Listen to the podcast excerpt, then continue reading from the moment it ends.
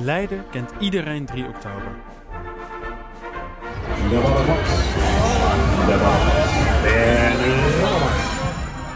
Van de kermis, de optocht en de koraal. En het eeuwenoude verhaal. natuurlijk te maken met het uh, Leidens ontzet dat we de, dat we de Spanjaarden eruit uh, gekikt hebben, de 1574.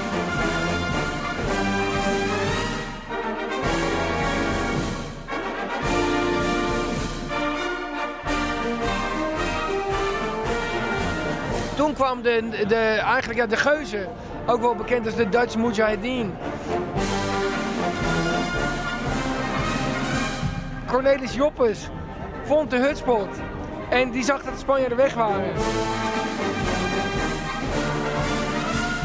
En toen was Leiden bevrijd. Maar toch kent niet iedereen dat verhaal.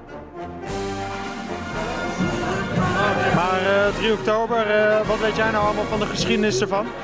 1574. Meer niet? Spanjaarden. Ook burgemeester Lenverink kent de verhalen van 3 oktober. Tijdens het feest vieren we eigenlijk met elkaar ook het Leidenaarschap. En daarmee brengt het de bevolking heel erg dicht bij elkaar. Het is een bindend feest waar het niet uitmaakt of je nou heel rijk bent of heel arm. Of je nou heel slim bent of iets minder slim. Iedereen doet mee. En dat is gaaf. Dat uh, is iets waar veel steden jaloers op zijn. Niet iedereen kent ze, maar dat is alleen maar een uitdaging om er ieder jaar weer mee door te gaan om die verhalen te vertellen. En dat is wat we gaan doen de komende drie afleveringen. Ik neem je mee door Leiden langs de plekken waar het gebeurde. De mensen die er het meeste van af weten en de mensen die er het liefste over vertellen. Welkom bij de Huts Podcast. En in deze aflevering gaan we het hebben over waarom Francesco de Baldes de stad niet aan heeft gevallen. Waarom Leiden na de bevrijding een universiteit krijgt en wat het ontzet betekent in de rest van het verloop van de opstand. Maria, waar staan wij nu? Bij de Magdalena Moonstraat. Ja, de Magdalena Moonsstraat. En uh, daar staan wij omdat het volgende deel van het verhaal is eigenlijk een beetje het uh, deel van het Spaanse verhaal. -hmm.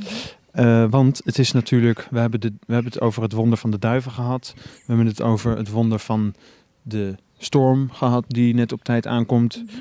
Maar er is nog één ander wonder over. En dat is dat Valdes, Francesco, die de leiding had over het Spaanse leger, de stad niet aanvalt. Ja, voor de vaste luisteraars hoef ik haar natuurlijk niet meer te introduceren, maar toch doe ik het weer even. Je hoort zo meteen Jori Zelmans, conservator geschiedenis bij Museum de Lakenhal. En zij schakelt deze aflevering af en toe eventjes in om het een en ander toe te lichten. Ze begrijpen eigenlijk niet goed waarom Valdes de stad niet is aangevallen. Want uh, het, het was echt rampzalig binnen de stad. Dus dat, het, het, en de stadsmuur, hè, dus alles stond op wankelen, dus hij had zijn moment moeten grijpen. Maar hij valt toch die stad niet aan. En dat zou alles te maken hebben gehad met Magdalena Moons. Dat is namelijk zijn geliefde. Ah, drama. Ja, op het moment dat hij naar het Binnenhof trekt in oktober 73, dan wordt hij dus ook nog eens uh, verliefd op uh, uh, Magdalena Moons. En ik denk dat dat dan nog wel een gelukkige tijd voor hem is. Maar al heel gauw moet hij ook aan de bak in Leiden, moet hij naar de schans in Leiderdorp. En zij, willen, zij, zij krijgen iets. Uh, zij is een, uh, een Haagse. Ja. um, en dat, uh, dat, dat gaat allemaal goed. Zij willen ook uiteindelijk met elkaar gaan trouwen. Mm-hmm. Maar hij denkt toch van door niet aan te vallen, zullen we winnen. En er komt dan een moment op het, hè, als die geuzen echt dichterbij komen, dat hij denkt, ja nu, eind september, nu moet ik ingrijpen, want anders is het te laat. En dan komt weer zo'n prachtige mythe uh, naar boven. Dan wordt uh, gezegd dat hij tijdens een etentje met uh, Magdalena Moons, dat, dat zij dan tegen hem zegt, nou val de stad alsjeblieft nog niet binnen, wacht nog een paar dagen, want ik heb daar familie en vrienden wonen. En ik kan niet een, trouwen, want hij belooft, zij belooft hem dan ook te trouwen. Van, ik kan niet ingaan op jouw verzoek om te trouwen als jij een moordenaar bent van mijn familie. En dat gaat zo niet. Nee, dat gaat niet, nee. Ehm, dus dat is een, ehm, ja, een, eh, ook, ook iets geweest wat op het nippertje goed is gegaan. We kunnen niet bewijzen, maar eh, het, het is wel waarschijnlijk dat ze er iets mee te maken heeft Ja. gehad. Dus dan stelt hij het een paar dagen uit. En dat had hij beter niet kunnen doen. Want dat heeft dus voor gezorgd dat die stormvloed kwam. En dat Boiseau eh, binnen kon varen in Leiden. En daarom staan we, is, eh, is, is deze straat dan naar haar vernoemd. Ja. Het is een hele lange straat. Ja, dat zei ik net ook al. We zijn er helemaal doorheen gefietst. Ook niet alle bordjes hebben een onderschrift. Want Nee. dat is eigenlijk waarom we hier naartoe zijn gegaan. Vorig jaar stond er namelijk een bericht op Sleutelstad. En eh daar had namelijk iemand geklaagd onder de naam Trudy de Vrij. Over het onderschrift van deze straat. Het onderschrift is Maîtresse van Valdes. Ja, zij is een. eh, ze wordt omschreven als een juffer. Maar zij is een dochter van, een, eh, van iemand die in, voor het Hof van Holland werkte als advocaat, advocaat-fiscaal. Een belangrijke eh, positie. En ook haar moeder komt, eh, is van een eh, rijke Antwerpse familie. Ze heeft verschillende broers, oudere broers en zussen. Zij is zelf jonger. En ze is nog niet getrouwd, dus eh, begin 30. En ehm, daar was over geklaagd omdat zij een hele nette dame zou zijn geweest. Oh, Zij zijn ook later wel getrouwd. Mhm. Dat is bewezen en dat hebben mensen gevonden. En eh, die mensen van de straatnamencommissie, die vonden dat het zo moest blijven. Nou, omdat het heel veel gedoe oplevert administratief om een straatnaam, te veranderen, hebben ze dat niet gedaan. Dat wilde die mevrouw wel. Ik citeer even. Volgens Arjan Honkoop van de straatnamencommissie is de rol van Magdalena Moons bij het Leiders ontzet nooit echt bewezen. In die zin zou er wel eens een kern van waarheid in kunnen zitten dat hij echt irrationeel en uit liefde gehandeld heeft, uit verliefdheid naar Magdalene Moons. En dat we haar eigenlijk als heldin van Leidens ontzet eh, moeten betitelen. En in die onderschriften bij straatnamen willen we alleen dingen zetten die echt bewezen zijn. Nou, ik heb daar eh, met iemand over gesproken, een expert, en die zegt dat het ook niet bewezen is dat zij de maîtresse was van Valdes. Oh, dus klopt niet wat we zeggen. Nee, de- wat hier staat klopt inderdaad niet. Maar het is ook moeilijk te bewijzen wat er dan wel klopt over dat verhaal. Vermoedelijk was zij geen matresse van, eh, eh, van Valdes, maar eh, was zij, werd zij door hem begeerd. Eh, maar is ze daar niet op ingegaan? Want hè, ze- het was dus echt eh, iemand van eh eh, eh, hoge kom af. En zij zal niet, eh, hè, zij zal haar vrouweneer hebben beschermd. En juist eh, door te zeggen tegen Valdes, ik wil met je trouwen. Of je mag met me trouwen eigenlijk. Hij doet een aanzoek. Je mag met me trouwen. En eh, ja, in die tijd was het zo, je moest getrouwd zijn om met elkaar eh, seks te mogen hebben. Zij heeft echt hem, denk ik, gewoon laten weten van, ik wil daarop ingaan, maar dan wil ik met je trouwen. Of dan ga ik daar, hè, dan- wij zullen dan trouwen.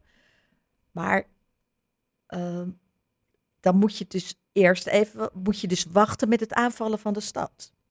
Dus ik denk dat, eh, dat het commentaar op dat ze geen matresse was, dat dat zeer terecht is. Ik, dat, dat lijkt niet voor de hand te liggen. Ehm, dus eh, er zijn veel verhalen, maar zeker weten doen we het niet. Dus ja, Magdalena Moonstraat. Ik dacht, het is wel, eh, het is wel... Ja, het is bijzonder wat al die straatnamen doen tegenwoordig. Ja, zeker. Dus Dus ik kunnen denk het dat je onderschrift beter, beter weglaten. kan zetten van eh echtgenoot van eh Valdes en eh, eh, mogelijk eh, heldin van ontzet.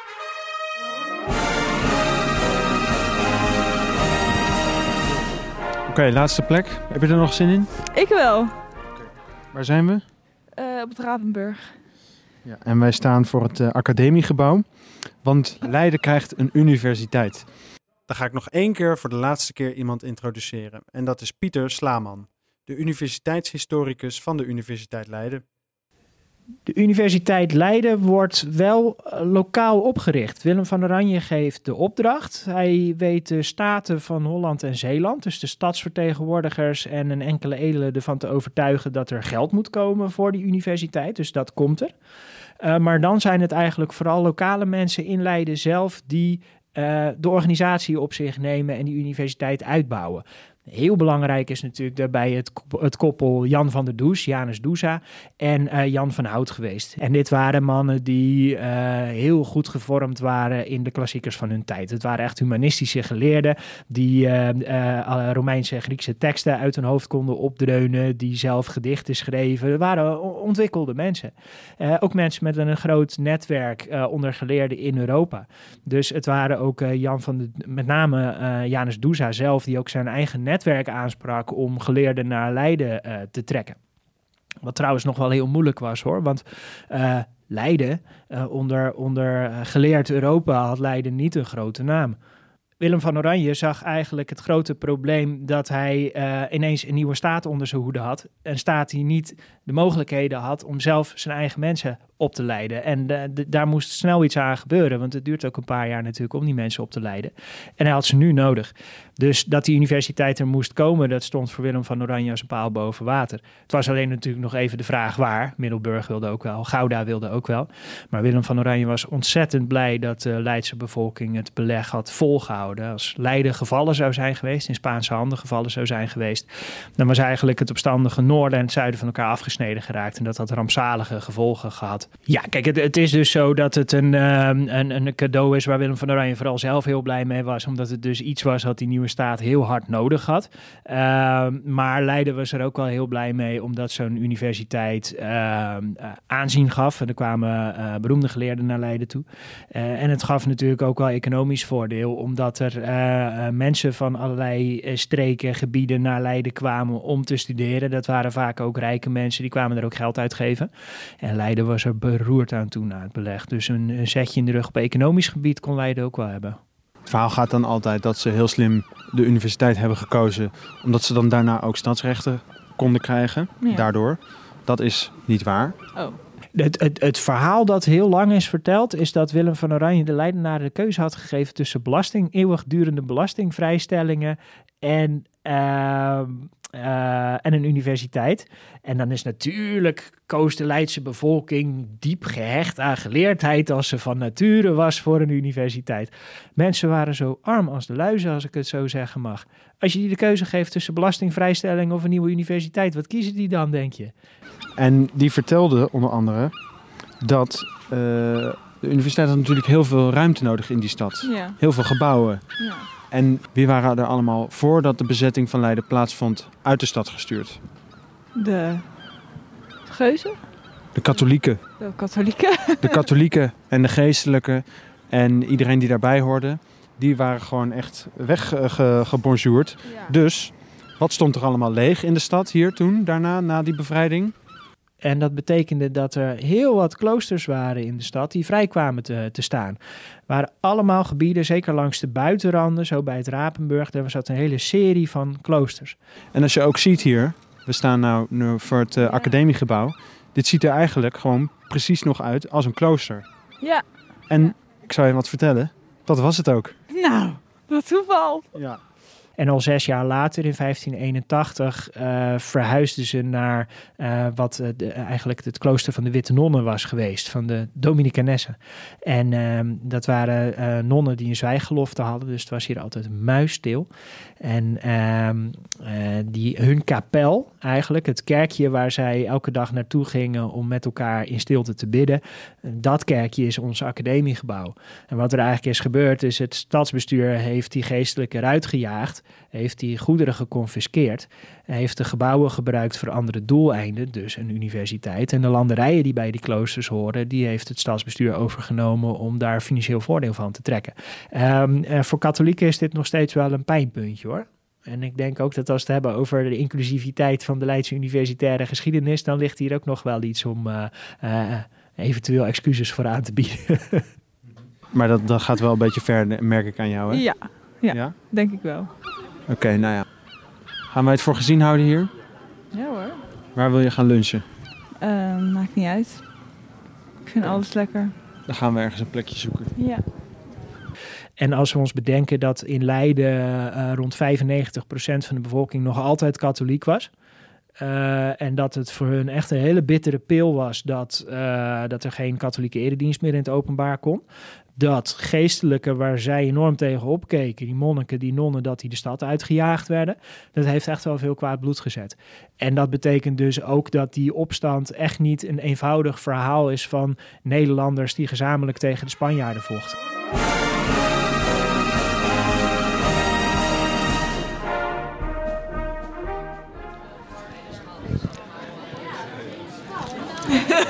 Heb je lekker geluncht? Heerlijk. Wat had je? Een vegetarische kroket op wit brood met sriracha mayonaise, wat niet echt sriracha was.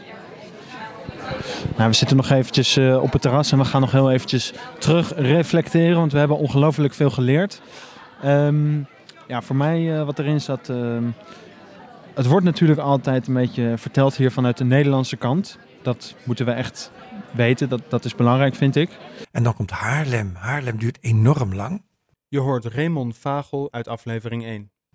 Ook dat is weer zo'n verhaal. Ehm, in Nederlandse boeken staat er nooit zoveel over Haarlem en het beleg. Omdat het leger van Alva uiteindelijk heeft gewonnen. Ehm, maar in Spaanse boeken gaat het vele tientallen pagina's over wat er allemaal bij Haarlem gebeurt. Want dat is een van de meest heroïsche overwinningen van dat leger van Alva. Nee, de Spaanse kant wordt nog steeds niet eh, voldoende belicht.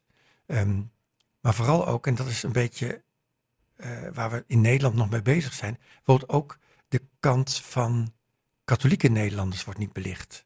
De kant van Nederlanders uit eh, Oost-Nederland, waar vrijwel iedereen katholiek was, Zuid-Nederland, waar iedereen katholiek was, worden ook niet belicht. Dus we zitten niet alleen met een Nederlands verhaal, eh, maar dat Spaanse verhaal maakt ook duidelijk toch dat het verhaal wat we hebben van de opstand toch vooral een protestants-Hollands verhaal is. Hoe belangrijk was dit, eh, dit deel, de, de, de, het beleg van Leiden voor de, in de oorlog van de Spanjaarden?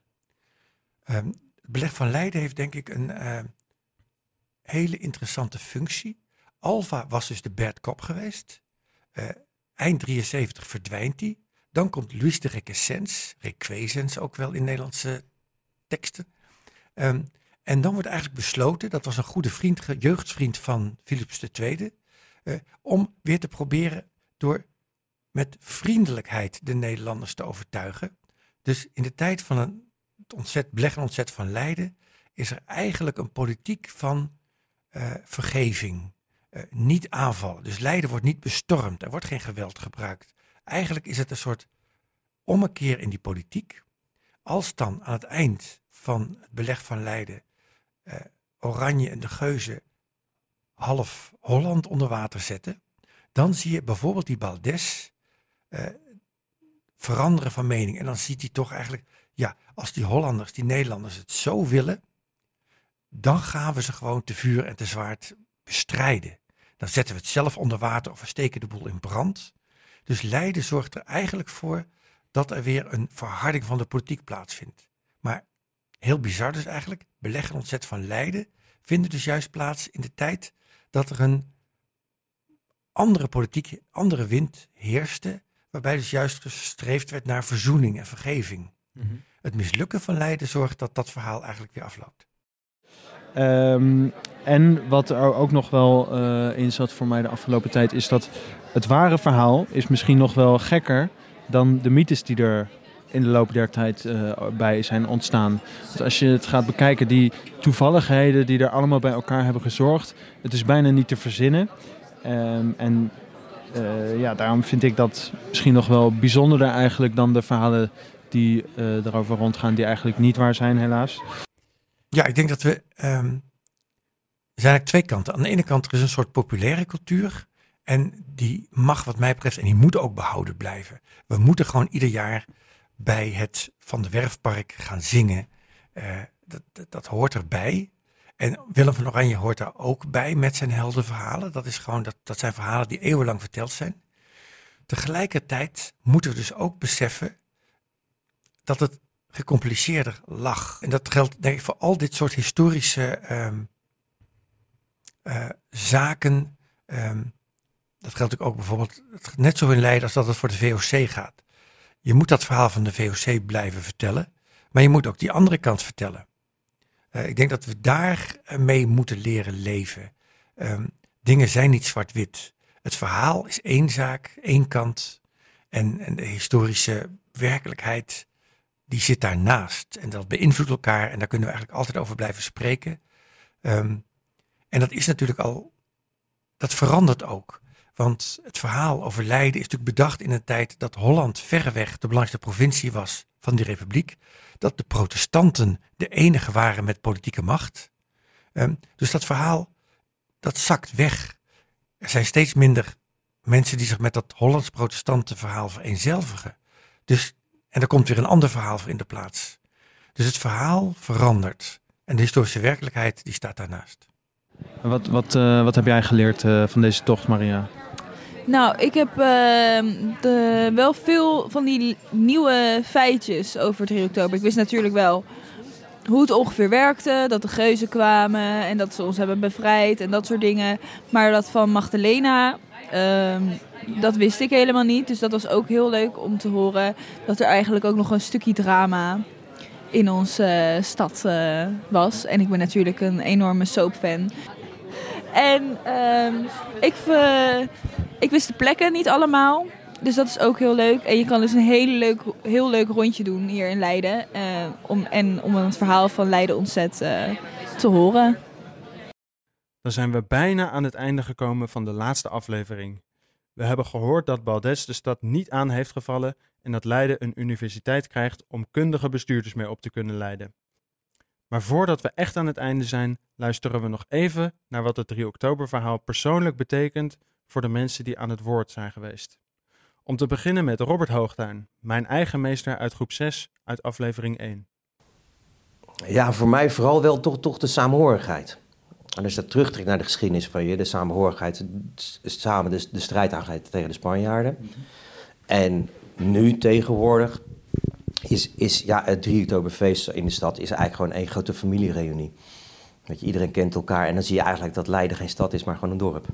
Dus ja, het, de, de, de, de, het, het samenbinden, dat is wel een, uh, een hoofdmoot, denk ik. Ja. Ik persoonlijk heb zoiets van, ja, weet je, geschiedenis is iets wat je niet uh, moet verbloemen, mooier moet maken dan het is, of opzij moet zetten. Maar ik denk je ook moet realiseren dat je geschiedenis niet kan veranderen. Maar dat geschiedenis jou wel kan leren dat jij wel in staat bent om er nu een andere draai aan te geven. En om de goede kant op te gaan. En dat je daarbij dan niet te veel in het verleden moet gaan blijven hangen van... Uh, oh, het is allemaal zo erg geweest. Niet dat ik het daarmee uh, bagatelliseer, want het was heftig. En het, het, ik zou me niet kunnen voorstellen dat mensen zo hebben gedaan. Maar het, het, is gewoon gebeurd, dus dat moet je accepteren. Maar leer er alsjeblieft van. Mm -hmm. dat, dat is wel iets wat ik mensen en ook kinderen in de klas wil meegeven. En natuurlijk ook nog even burgemeester Henri Lenverink. Eigenlijk is het al heel lang iets wat de uh, stad bindt. En dat heeft het stadsbestuur altijd gepropageerd. En in de 19e eeuw, toen we zagen dat uh, in de samenleving steeds grotere tegenstellingen begonnen te ontstaan, was men ook wel op zoek uh, naar mogelijkheden om die tegenstellingen te overbruggen. En het feest van Leidens Ontzet was daarin een heel mooi instrument. En dat is eigenlijk ook heel goed uitgepakt. Iedereen doet mee, hoort daarbij en dat is nog steeds het geval. Dus het helpt om tegenstellingen te overbruggen en je met elkaar leidenaar te voelen. En daarmee brengt het de bevolking heel erg dicht bij elkaar. Het is een bindend feest waar het niet uitmaakt of je nou heel rijk bent of heel arm, of je nou heel slim bent of iets minder slim. Iedereen doet mee. En dat is gaaf. Dat uh, is iets waar veel steden jaloers op zijn.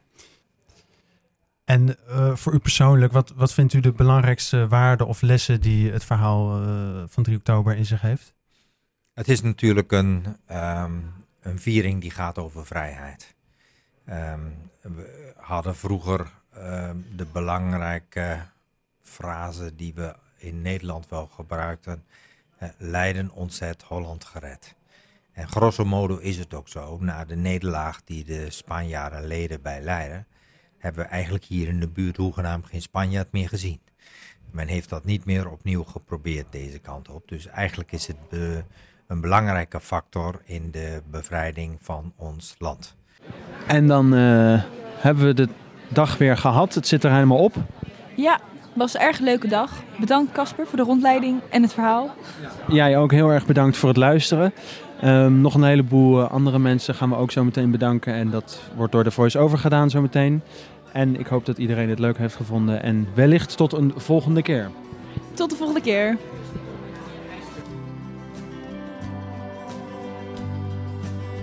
Dat was alweer de derde en laatste aflevering van de Huts podcast. Dank aan alle sprekers, in het bijzonder aan Joris Helmans. Dank aan alle mensen van Sleutelstad voor de adviezen en het lenen van de nodige apparatuur. Dank aan Thomas Erdbrink en Frans Wiersma voor het proefluisteren. Credits voor de titel van de Huts podcast gaan naar Chris de Waard. Dank aan Museum de Lakenhal en de Universiteit Leiden. En jij bedankt voor het luisteren. Deze publicatie is tot stand gekomen met steun van het Leids Mediafonds.